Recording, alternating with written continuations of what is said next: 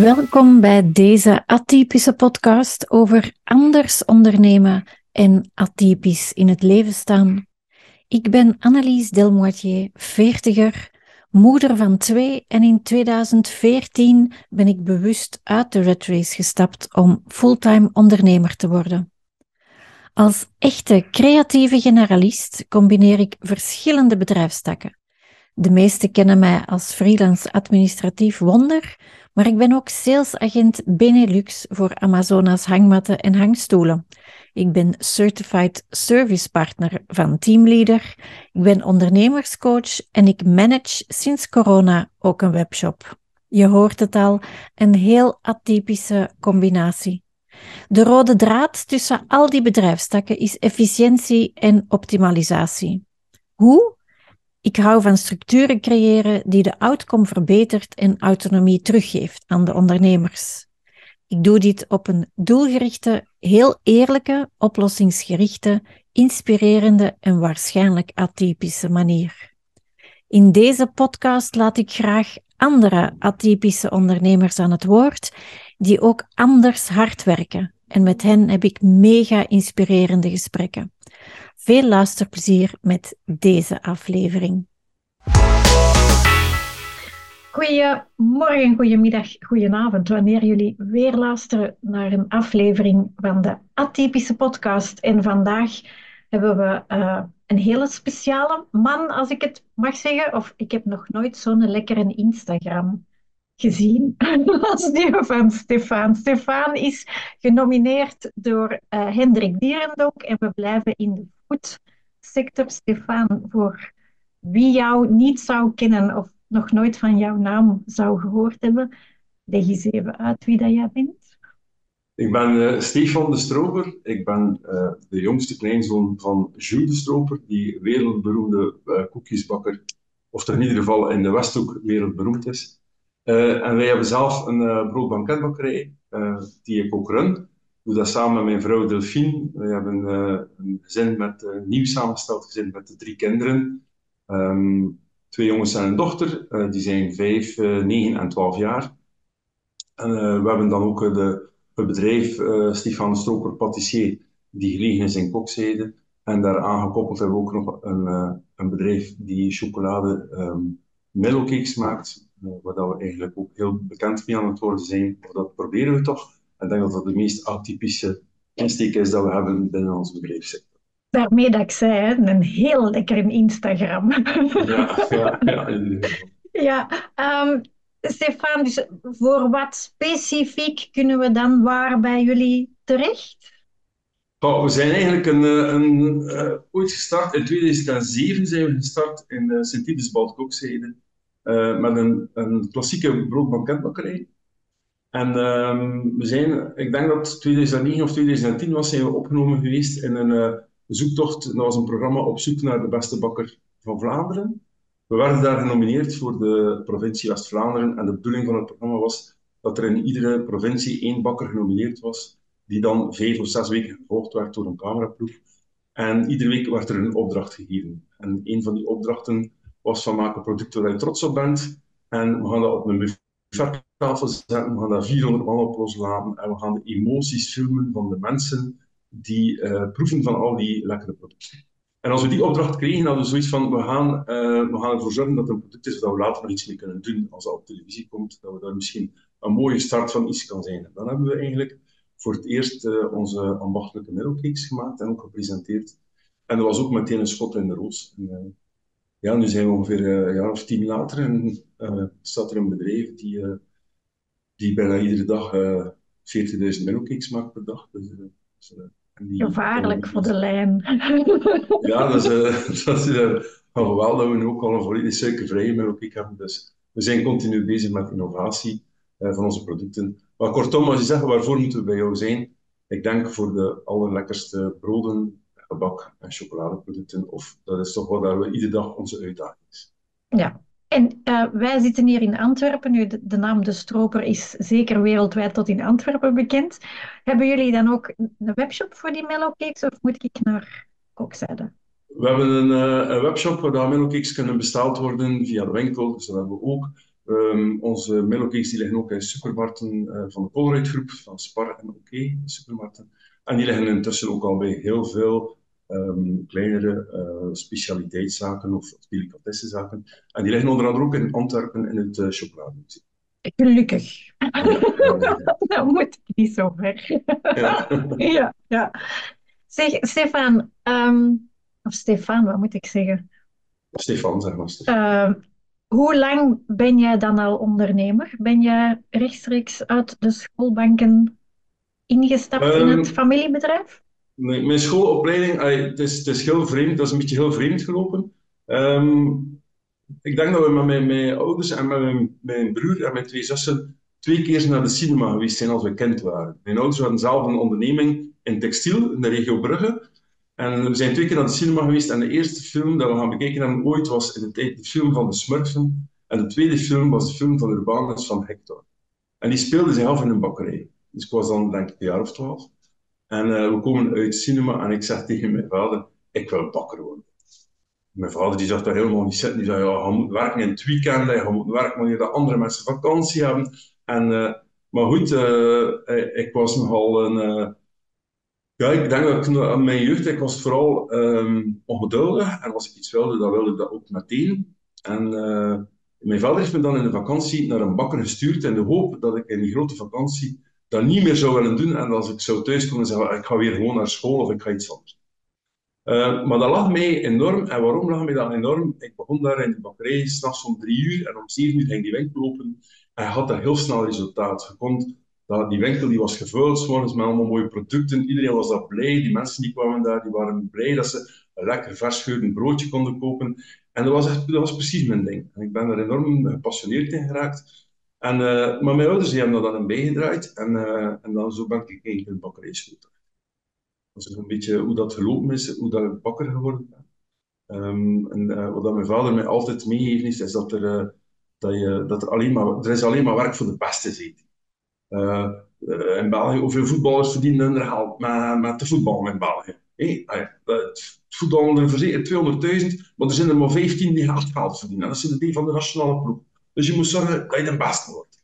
En hij heeft, dan, uh, heeft me dan wel heel veel gesteund en ik dan ook, um, uh, ook door de kennissen binnen de familie uh, terechtgeraakt bij huizen als Fouchon in Parijs of de, zeg maar, de meest gerenommeerde huizen in die tijd. En daar heb ik ook wel heel veel mee stilgeleerd. En dat vind ik, ja, misschien wel het, mooiste dat mijn vader mij ook meegeeft, is dat als je een passie hebt, dat je echt 100% moet voelen.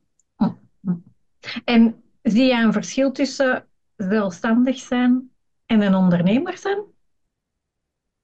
Um, ik denk dat het uh, ondernemer zijn, dat dat het gevolg is als je, je start als zelfstandige en je groeit naar een ondernemer. Ik denk dat dat zo'n beetje het traject is dat je volgt, of zeg maar de evolutie die je zelf meemaakt als je start als zelfstandige. En dat je heel vaak jezelf in vraag stelt. En dat je zegt van, hoe zullen we dat nog kunnen uh, doen? Of hoe, kunnen we verder onze bedrijf uitbouwen? Of hoe kunnen we onszelf ook voor een stukje misschien onmisbaar maken binnen ons eigen bedrijf? En dat, dat dan, dan zet je de stap volgens mij naar het ondernemen. Ja. En is er dan een ondernemer waar dat jij naar opkijkt? Of, of specifiek dingen van leert? Oh, er zijn heel veel ondernemers uh, waar ik naar opkijk. Het zijn mensen die, uh, ja, um, maar ik, ik was enorm verrast ook toen de podcast van uh, Hendrik Dierenhoek, dat mijn naam erin vermeld werd. En als ze dat mij vraagt, dan zou ik juist tegenover staan. Ze zei, ja, ja Hendrik Dierenhoek, daar kijk ik enorm naar op dat hij dat doet. Dus het is zo'n beetje wederzijds hier in de streek. maar er zijn een aantal ondernemers waar dat ik um, enorm naar opkijk, naar de manier hoe dat zij dat doen. En, en een daarvan, en dat is misschien een heel, heel, de meest atypische dat er in West-Vlaanderen is, is volgens mij uh, William Sweetloaf. Dat is, een, dat is een kunstenaar. Maar die is niet alleen een kunstenaar, die verhuurt ook zijn kunst en die zit over heel de wereld daarmee. Uh, en we hebben daar ook al samen een project mee gedaan. En dat is een, een hele man die, waar ik enorm naar opkijk, hoe dat die in het leven staat en dat die toch met kunst zijn business kan, kan doen rollen. En een tweede persoon waar ik ongelooflijk naar opkijk, dat is een heel jonge starter. Die heet Pieter Mallen hier. En die heeft een bedrijf in Footprint Inc. noemt het bedrijf. En hij is bezig met, hou je vast, hij is bezig van kapotte visnetten, dat ze recupereren. En hij heeft twee robots robots gekocht die uit de auto-industrie komen, heeft hij omgebouwd en hij is daarmee 3D aan het printen. En wat print hij daarmee? Hij print daarmee weekends voor windmolens. Ik vind dat zo'n fantastisch verhaal. Dat is echt... Dat, en die, die mens is een ingenieur, dat is een hele slimme mens, die heeft zijn job aan de kant gezet om met zoiets bezig te zijn. Dat vond ik echt van, my. Dus het is ook een jong papa. Uh, hij, uh, hij, heeft twee kleine kindjes. En om die stap te zetten, dan heb ik echt zoiets van, wauw, ja. dat is echt uh, blow-minded. En die heeft ook al een aantal dingetjes voor ons gedaan. In 3D-printing. Uh, ik vind super, een super toffe kerel en een hele toffe ondernemer. En die, die, die, die gaat met de kennis dat hij opgedaan heeft als ingenieur iets veranderen in de wereld. En dat vind, ja, ja. vind ik de meest boeiende mensen die er zijn. Kijk ook heel daarop. Dat je gewoon hè, snel geld verdienen, allee, dat is niet meer van deze tijd. Hè? Allee, vind ik. Dat is... Uh... Ja, ik vind... Je mag je geld verdienen, maar, maar hè, dat is niet het einddoel, hè? Nee, ik vond, dat is echt iets, uh, dat, dat, dat is, die mens heeft een missie en die is daarmee bezig. En die, ja, ik vind dat echt, ik vind dat, ik vind, ik word er zelfs, ik zou er zelfs een beetje emotioneel van worden als ik zo verhalen hoor van mensen die zo gedreven met hun vak bezig zijn en die eigenlijk een zeer goed betaalde job aan de kant zetten om zelf uh, zeggen van ja, dat gaan we doen, dat is geen dat we gaan doen. Dat vind ik super. Vind ik, uh, dus, uh, vind ik super ja. tof wereld. Ja, ja. ja, er zijn er al een aantal gepasseerd in de, in de podcast, waaronder ik. Ik ben ook gestopt bij een grote multinational ja. om mijn eigen ding te kunnen ik denk, dan ook, ik denk dan ook, als je dan, ja, je maakt een podcast over atypisch ondernemen, maar ik denk als je dan kijkt in Vlaanderen, ik denk dat bijna 80% van de Vlaamse ondernemingen waarschijnlijk wel een atypisch verhaal heeft. Um, maar waarom is dat? Omdat waarschijnlijk Vlaanderen zo klein is en dat er zoveel geproduceerd en, en gemaakt wordt in Vlaanderen, dat we sowieso uh, verplicht zijn om het uh, ook buiten de landsgrenzen te proberen te verkopen. En ja, als je zo'n klein landje zit en zo, uh, met zoveel zit in zo'n klein landje en niet alles kan produceren voor onze eigen Vlamingen, en dat we veel meer hebben, dan, dan, dan moeten we gewoon atypisch zijn en op die manier uit de hoek komen en, en zorgen dat we opvallen en dat we opgepikt worden in een grotere verhaal. Allee, ik heb nog veel, uh, veel afleveringen te gaan dan. Ja, ik denk, wel, ik denk dat iets is dat nog lang gaat meegaan. Wat is goed, wat is leuk. Dus ik heb het ontdekt. Ik vind het super tof. Dus, uh, ja, nee, merci. En een fan, en een fan bij. Dus. Joepie, tot in het verre West-Vlaanderen. Ja. Ja. ja. Stefan, wat is er um, heel typisch aan jouw beroep? Oh, je, je hebt nu wel een combinatie natuurlijk van de bakkerij en dan de mellowcakes. Uh, typisch aan mijn beroep is dat het. Uh, ik vind het heel leuk, uh, een ambachtelijke bakkerij die begint s'nachts met lege winkel, lege rekken. En die beginnen met grondstoffen en die hebben een verkoopbaar eindproduct. Dus wij hoeven niet iets in te kopen om te verkopen. Een goede ambachtelijke bakker die maakt die producten zelf. En die is er ook trots op, omdat dat is typisch ja. aan de bakkerij. Um, het is wel een heel moeilijk verhaal aan het worden, ambachtelijke bakker. Uh, zeker als het een, uh, op een kleinere schaal is. Um, waarom? Omdat de kosten en de lonen uh, zo gigantisch gestegen zijn de laatste twee jaar, dat mensen, of dat de kleine ambachtelijke bakker, bijna niet meer kan overleven met de kosten die er nu mee gepaard gaan.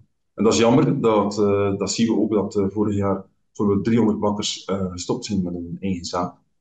dat is jammer, dat is een beetje de, de, de teleurgang van de ambachtelijke bakker. En dat wordt opgepikt door uh, supermarktketens um, of bakkerijen die uh, op grotere schaal kunnen gaan produceren.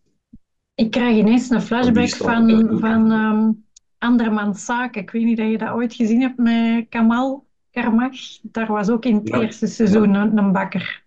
Ja, ja, ja.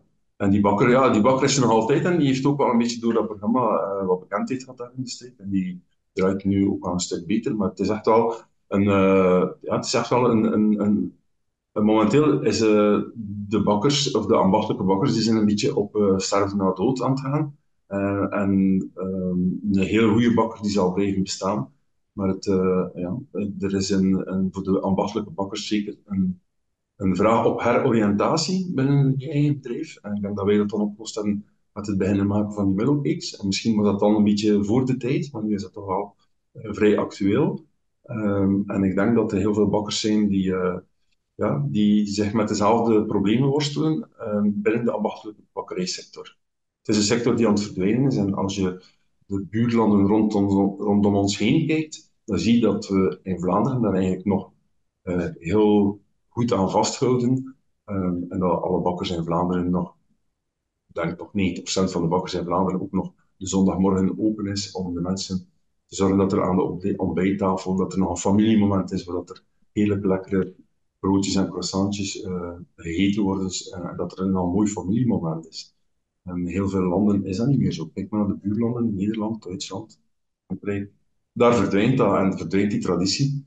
Um, en ik denk dat we daar in Vlaanderen best wel trots mogen op zijn dat we dat nog kunnen uh, tot stand houden. Ja, ja. We hebben net besproken wat er typisch is en wat is er dan atypisch bij jullie? Atypisch bij ons is dat we um, gestart zijn met een, um, een lijn die daarnaast loopt, naast de bakkerij, uh, die eigenlijk heel nauw verbonden ligt met de bakkerij. Eigenlijk zijn we begonnen met die melkcakes, zoals ik vertaalde, na, na die wedstrijd zijn we begonnen met die melkcakes te maken bij ons in de winkel. En dat is zo al wat uit de hand gelopen. En uh, we zijn dat, heel snel hebben we dat verhuisd naar het industrieterrein, hebben daar een kleine productieeenheid opgezet, die intussen uh, ook al vernieuwd is en groter gegroeid is. Uh, waar dat we nu uh, wekelijks een 40.000 melkcakes verspreiden naar bakkers, banketbakkers. Dat is zeer atypisch en als ik daarmee begon, of met dat plan bij mijn collega's kwam, dan zei niet tegen mij, jongen, dat is zot. Dat is echt, dat, doe, allee, dat is gewoon ja. zot. Doe een bakkerij en doe dat gewoon daarmee. maar wat dat je gaat doen, dat is gewoon zot. En ik had zo het idee van, ja, we gaan er mijn eerste idee was van we gaan ervoor zorgen dat iedere West-Vlaming één mellowcake van ons eet per jaar. We zijn maar 1 miljoen West-Vlamingen, dus als we 1 miljoen van die mellowcakes kunnen maken, is dat goed. Intussen hebben we dat al bijgesteld, we zijn wel bezig voor heel België, we zijn bezig voor een stuk van Nederland, we zijn wel bezig. Dus dat, dat, dat, loopt, maar dat is ook wel een, ja, dat is een heel andere manier van ondernemen. Dat is, uh, dat is niet meer het ambachtelijke, waar je s morgens start met grondstoffen en s'avonds uh, product hebt. Dat is een, ja, wat komt daar voor ons nu ook allemaal bij? Uh, dat is sales team opzetten, dat is administratie opzetten, dat is uh, attesten halen, audits laten passeren, dat is alles die erbij komt, wat een groot bedrijf ook nodig heeft. En, maar dat maakt aan de andere kant wel dat we enorm aan het professionaliseren zijn. Um, en dat we ook klaar zijn om die groei te maken. We hebben ook gigantisch zwaar geïnvesteerd daarin. En ja, nu is het moment van de waarheid. Ja, ja. Ik, ik herinner me dat Hendrik zijn verhaal vertelde, dat hem ook de slagerij wou opengooien en dat ook alle anderen zeiden van, je bent zot. Ja, ja, ja. Waarin ja. Uh, hebben jullie elkaar een... gevonden in het zot zijn?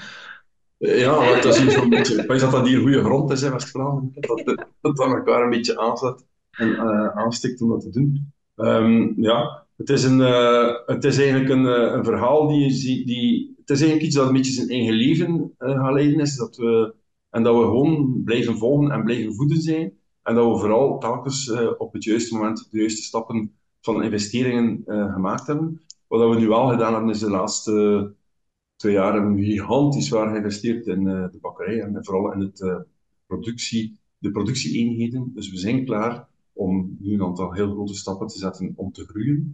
we hebben daar heel zwaar voor geïnvesteerd. En we hebben wel tegenslag gehad dat een oorlog in Oekraïne, um, ja, die, die groei wel een beetje vertraagt, waardoor dat, er, dat we nu wel beseffen hoe zwaar dat we eigenlijk geïnvesteerd hebben.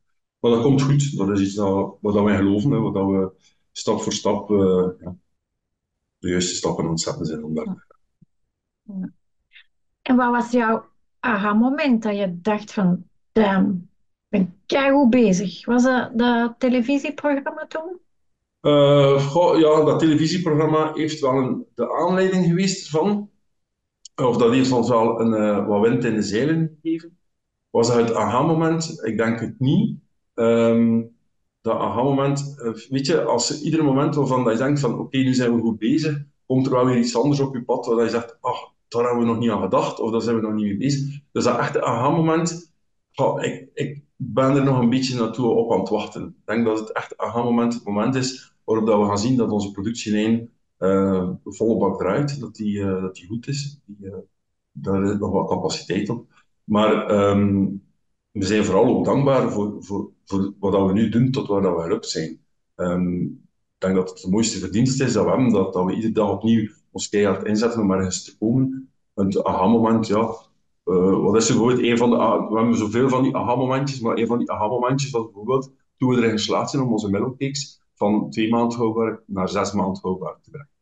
En dat maakt eigenlijk dat je, dat je daar wel begint kan beginnen denken aan een exportverhaal en dat helpt ook mee in de groei van je bedrijf.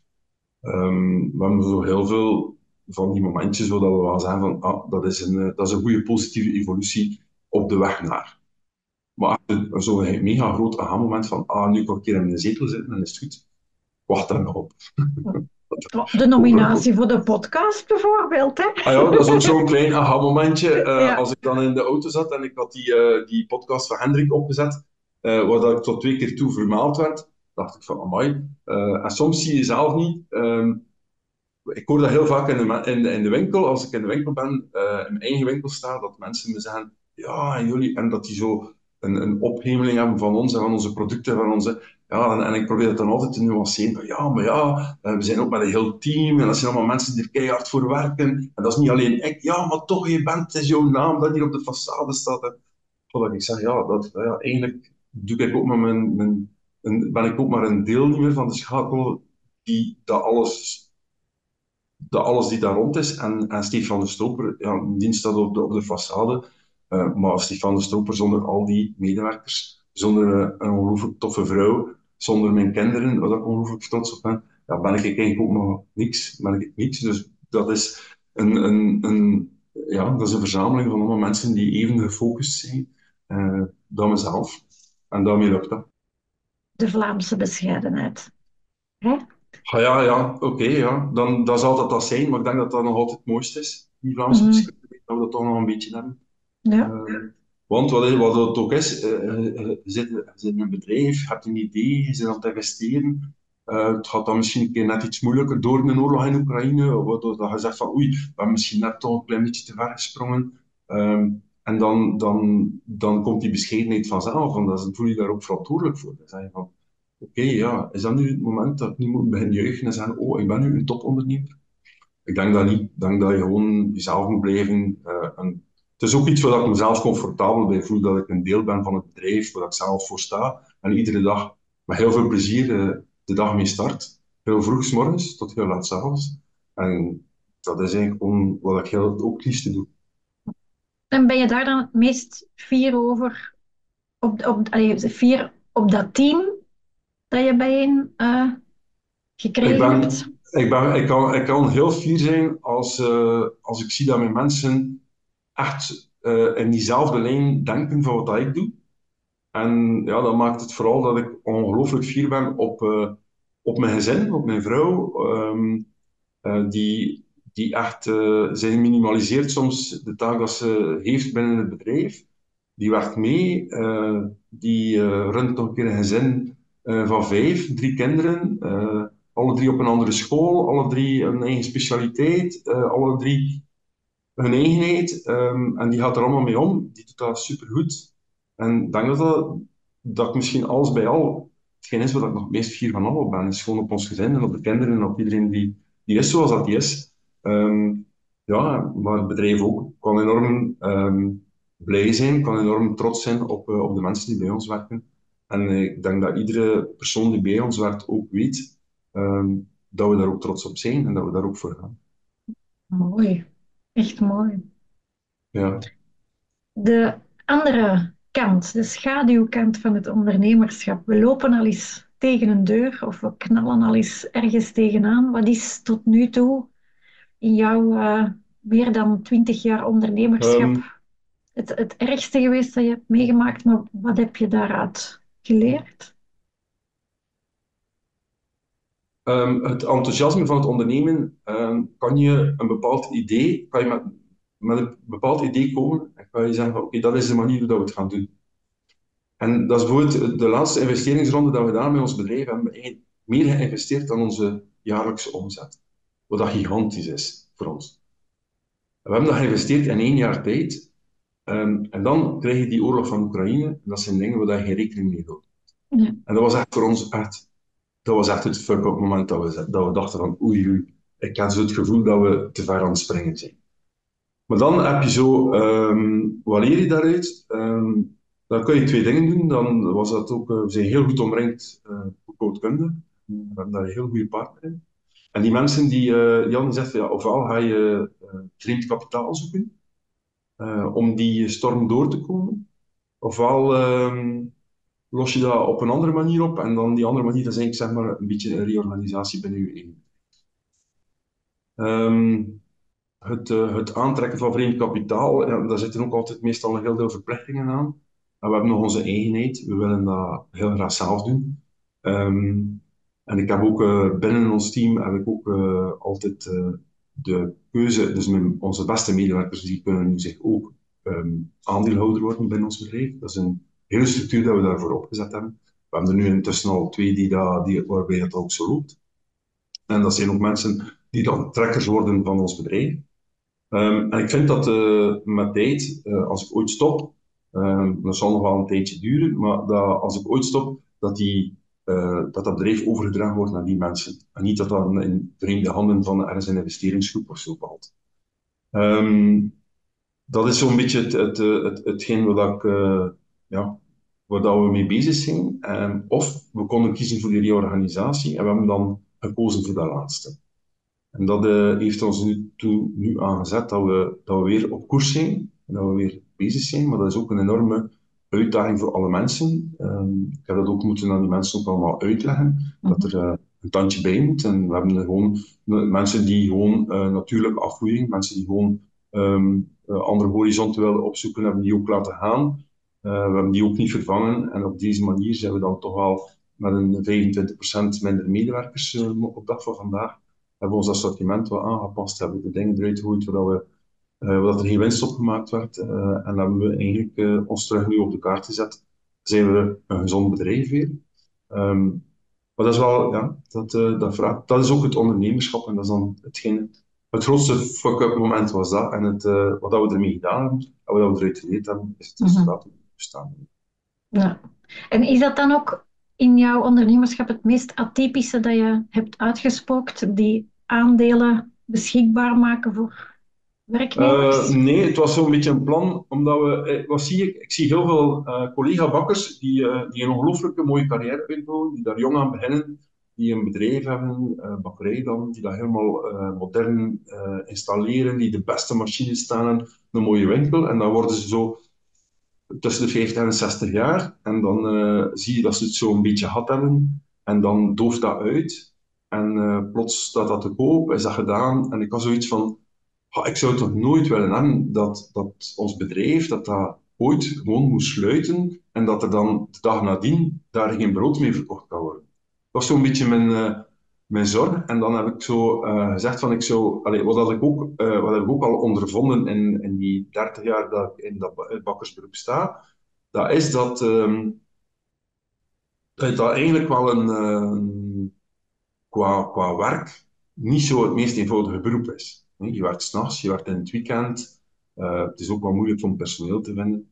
En ik had zo um, door de jaren heen ook wel gezien dat bijvoorbeeld dokterspraktijken, dat worden groepspraktijken. Uh, dat wordt, en ik had zo dat idee, moesten we dat nu een keer kunnen doen met een bakkerij? En eigenlijk zijn we zo een jaar of vijf geleden daarmee begonnen, uh, met dat uit te schrijven, hoe dat we die structuur van onze nieuwe bakkerij zouden willen zien, en hoe dat we dat gaan doen. Het eerste wat we daar eigenlijk ook heel duidelijk in kwam, dat was van, ja, als je dan met drie of met vier aandeelhouders bent, dan ga je ook zorgen dat je een groter bedrijf hebt voor die vier gezinnen of die vier ondernemers daar goed te kunnen doen van leven. Um, en dan ben ik eigenlijk begonnen met dat helemaal uit te werken. En um, zoals bijvoorbeeld het chocoladebedrijf, uh, waar we onze mellowcakes maken, um, dat staat onder leiding van Benoit. Benoit is eigenlijk uh, associé bij ons. En die, uh, die kan hem, dat staat ook vermeld, binnen welke datums en welke tijden kan die zich verder inkopen in het bedrijf. En, maar ook, er is ook een regeling uitgewerkt waarbij dat, die de, dat de investering ook een stuk zijn inzet en zijn capaciteit en zijn kennis is dat hij opdoet met het bedrijf, daar haalt hij ook het bedrijf niet vooruit en daar wordt hij ook voor beloond. Echt een visionair, amai. Ja, misschien een visionair op het gebied van, van bakkerij, of toch op de manier waarop dat wij het zelf bekeken. Um, en vooral ook um, jongere mensen de kans geven om, ja, de dag van vandaag is het ook moeilijk. Je kan niet zomaar terug uh, een bakkerij overnemen. Dat is, uh, ja, bakkerijen momenteel, kleinere bakkerijen, die verdienen momenteel geen geld, of er is niet veel, geen toekomst in. Banken willen daar ook niet meer in meegaan. Uh, dus er moet daar eens, hè, en er zijn nog jongeren die ambitieus zijn en die iets willen doen. Um, en ik denk dat dat een heel mooie opportuniteit is voor uh, jonge mensen die uh, iets willen doen, die, die sluiten zich aan bij ons bedrijf. En als die daar een meerwaarde voor zijn, dan ligt die mogelijkheid open. Um, en we zien daar enorm positief, dat dat ook een enorm positieve invloed heeft voor ons bedrijf. Ja, ik vind het heel knap. Ik vind het echt super knap. Ja, ja. Stefan, moest nu zelfs even gaan wandelen? Ik weet niet dat je daar af en toe tijd voor neemt. En mijn vrouw zegt veel te weinig, maar ja. Ah, voilà, hè, opdrachtje. je gaat zelfs wandelen. Je komt je eigen 18-jarige zelf onderweg tegen. Ja. Wat zou je aan jezelf willen meegeven over het leven of het ondernemerschap? Ik denk dat ik uh, ga vertellen wat mijn vader mij verteld heeft uh, op mijn, denk rond mijn 18e verjaardag. Dat is dat je nooit mag werken voor geld. Als je je beroep met passie doet, dan komt dat vanzelf. Maar dat mag nooit de drijfveer zijn. Mhm. Ehm, en ik vertel dat nu al aan de kinderen, um, dat, dat, dat dat het mooiste is dat mijn vader mij meegegeven heeft. En ik ben ook blij dat ik dat uh. En de aanleiding daarvan was dat ik uh, naar Fouchon in Parijs mocht. Dat was dan een van de meest gerenommeerde bakkerijen. Uh, en ik mocht daar zes maanden stage doen. En ik had al gewerkt in een bakkerij. Ik had dus al geld verdiend. Ik stond daar ook op de loonlijst.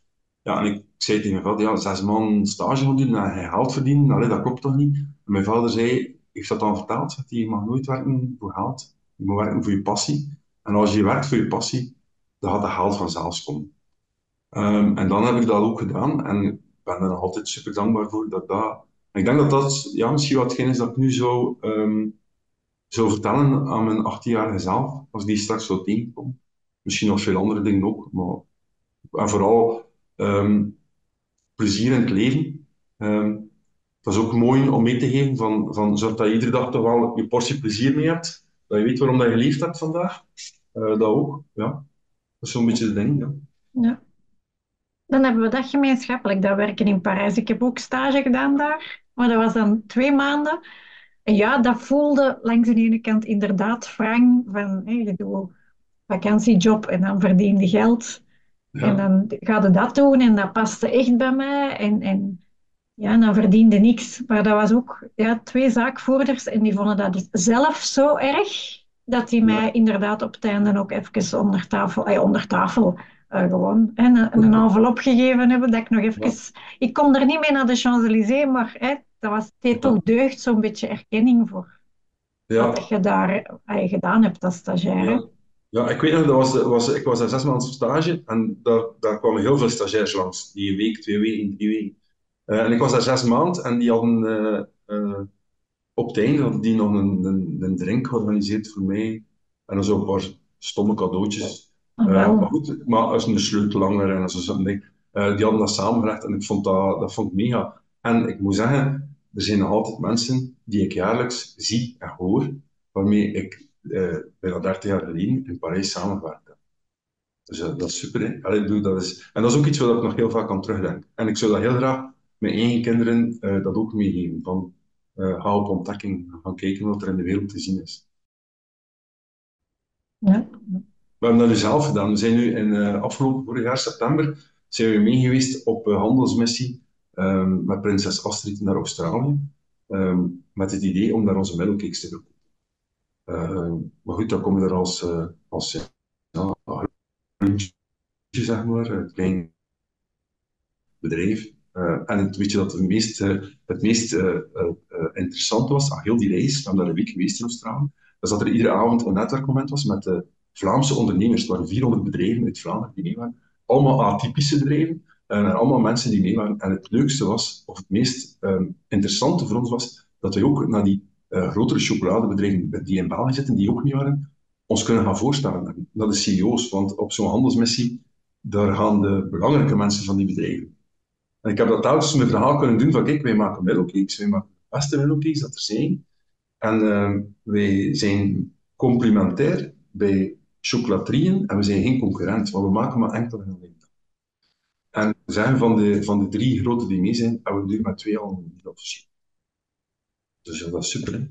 Hè? Maar dan moet je wel naar Australië voor vliegen om met een Vlaamse ondernemer daar uh, glas te drinken en daar terwijl ik te vertellen wie je bent en wat je doet en hoe je zelf op het staat. Maar dat werkt, dus dat gaat goed. Ja, dus ja netwerken loont altijd, hè? Ja, ja, ik ben er ook. eh, ik, ik, vroeger was ik zo wat meer verlegen en ging ik me wegsteken eh, in het atelier. Eh, maar nu, eh, ik heb de, via BNI en een aantal andere organisaties ben ik echt de, het netwerken, of zeg maar de angst om het netwerken overwonnen. En ja, ik- mijn vrouw zegt dikwijls, ah, je spreekt met een een hond met een, met een hoedje, ook geen Dus eh, ja, dus dat, dat is zo'n Als ze een beetje... mellowcake wil hebben, hè, dan is het Ja, allemaal klanten. Ja, ja. ja, dus ja, dus, eh, dus ik praat met iedereen dat kan. Eh, en we proberen ons product zo goed mogelijk eh, aan de man te brengen. Geweldig. Supergoed gedaan, amai. Ja, Ehm, als je terugkomt zelfs van je wandeling ja, en je pakt nog tijd voor een boek te lezen. Ja, ik, ik zelf, ik lees ontzettend veel. Ik heb vorig jaar 80 boeken gelezen, afwisselende businessboeken met, met romans. Ja, ik kijk geen tv, ik Netflix niet. Ehm, dat is mijn manier om te ontspannen. Is er een boek dat jij mij dan zou aanbevelen Ik, kan, over eh, het leven of het ondernemerschap? ik ben eh, geen boekenlezer. Eh, ik ben wel enorm geïnteresseerd in alles wat ook voeding aangaat. Dus als er al eens een, een boek is die ik raadpleeg, dan is het meestal een, recepturenboek van een of andere bekende kok. Ehm, maar er is ooit één boekje dat ik ooit een keer ehm, gekregen heb van iemand. En dat, ik heb het moeten opzoeken, want ik weet niet meer ik het boekje gelegd heb. Ik heb er ooit eh, gelezen. Het is een dun boekje, dus dat past nog bij mij. Ik ben niet zo van die dikke boeken. En dat heette, dat was een, een eh, Spookrijders staan nooit in de file. En ik heb het opgezocht, dat is eh Roel van der Wielen en Koen van den Brand die dat geschreven hebben. Dat is uitgegeven bij Lano. En dat geeft eh, 101 tips en tricks om hoe dat je bedrijf eh, maar vooral de titel, Spookrijders staan nooit in de file, dat is, dat, dat is zo passend bij ons ehm, en bij ons beroep en hoe dat wij ons beroep als bakkerij benaderen. ehm, ja, dat ook al heel veel mensen ook al gewoon de titel vermeld van ja, als ze zeggen van ja, waarom doe je dat zo? Dan zeg ik altijd, spookrijders staan nooit in de file. Van, eh, als je het op een andere manier doet, dan eh, als de kudde naar links loopt en hij loopt naar rechts, dan eh, kun je Ja, sneller lopen. Ja, ja. zo'n beetje. Ja. Maar dat is, Ja, dat dat is lekker boekje. atypisch ook. Ja, dat is een boekje dat me bijblijft en eh, dat ik eh, ook kan aanraden. Het is, het is, het is leuk, het is, er staan heel veel weetjes in voor mensen die geïnteresseerd zijn. Spookrijders staan in de file. Ik denk dat ik het subiet direct ga bestellen. Het Eh, intrigeert mij al. Ja, ja. Kijk ik denk dat jij dat zeker in een avond gaat uitlezen. Misschien. Ja. Eh, Stefan, is er nog iets waar wij jou mee kunnen helpen? Eh, de kijkers, de luisteraars die deze aflevering zien, ben jij nog naar iets specifiek op zoek? BNI gewijs? Ah, wel, eh, dat, dat, dat, dat klinkt als een zoekvraag die ik mag stellen dan. Ja, ja, dat is eigenlijk, we zijn eigenlijk eh, op zoek. Wij zouden heel graag hebben dat onze mellowcakes kunnen verkocht worden bij Starbucks. Dus als we daar iemand hebben die ons daarmee kan helpen, eh, we vinden dat een ongelooflijke eh, super eh, koffieketen die, die ongelooflijk groeit en die ongelooflijk... Wat ik wel vind, dat is dat de, de, van, van die koffieketens, dat ze die koffiebeleving op een heel mooie manier brengen, of ook, op een heel speciale manier brengen, maar dat de bijproducten dat ze daarbij verkopen, daar zullen we graag deel van uitmaken en ook zorgen dat die kwaliteit van die producten nog net iets beter. Dus eh, mochten we daar ooit iemand mee kunnen helpen, Dus aan alle luisteraars en of kijkers, werk je bij Starbucks? Ken je iemand bij Starbucks? ik Stefan, ik zet al jouw gegevens in de show notes, dan weten ze jou te vinden of via mij. Hè, en ik Ja, speel het met liefde door. is Super idee. Ja, ja. Als allerlaatste vraagje. Ehm, heb jij nog andere atypische ondernemers in die 400 die mee naar Australië geweest zijn, bijvoorbeeld, die jij zou willen nomineren voor de podcast? Ehm, ik zou zeggen, die Pieter Mannen hier, ehm, ik denk dat die, dat, dat, dat, ik vind dat zo mooi, zo nobel, dat hij mee bezig is. Eh, dat is een jonge ondernemer. Eh, die heeft mijn vrouw zelf eh, leren kennen via een, een opleidingstraject via VOCA. Ehm, ja, ik denk dat die, dat die man gewoon zijn verhaal een keer moet brengen. Eh, dus Pieter van eh, Footprint Inc. Eh, een keer opzoeken of ik stuur je graag de gegevens door. En ik denk dat je zeker wel een aangenaam en boeiend gesprek mee ik hoop dat hem de uitnodiging of de challenge aanvaardt. Merci, Stefan, dat jij dat ook hebt aangedurfd. Hè, zo even uit de comfortzone. Ontzettend bedankt dat wij jou en jouw bedrijf beter mochten leren kennen. En hopelijk tot snel in Kokzijde, want dan kom ik melkcakes eten. Super, tof. Bedankt. Dada. Merci, Annelies. Dag. Dank je wel voor het luisteren. En hoor je me graag bezig en wil je zeker geen aflevering missen? Volg me dan op Spotify of abonneer je via iTunes. Laat daar eventueel ook een review na, want hoe meer atypische zielen in de ondernemerswereld, hoe liever volgens mij.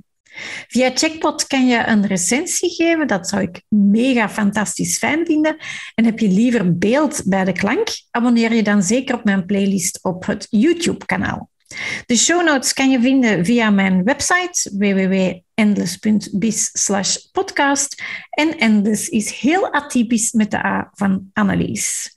Ik kijk alvast uit naar de volgende aflevering en hopelijk jullie ook. Tada!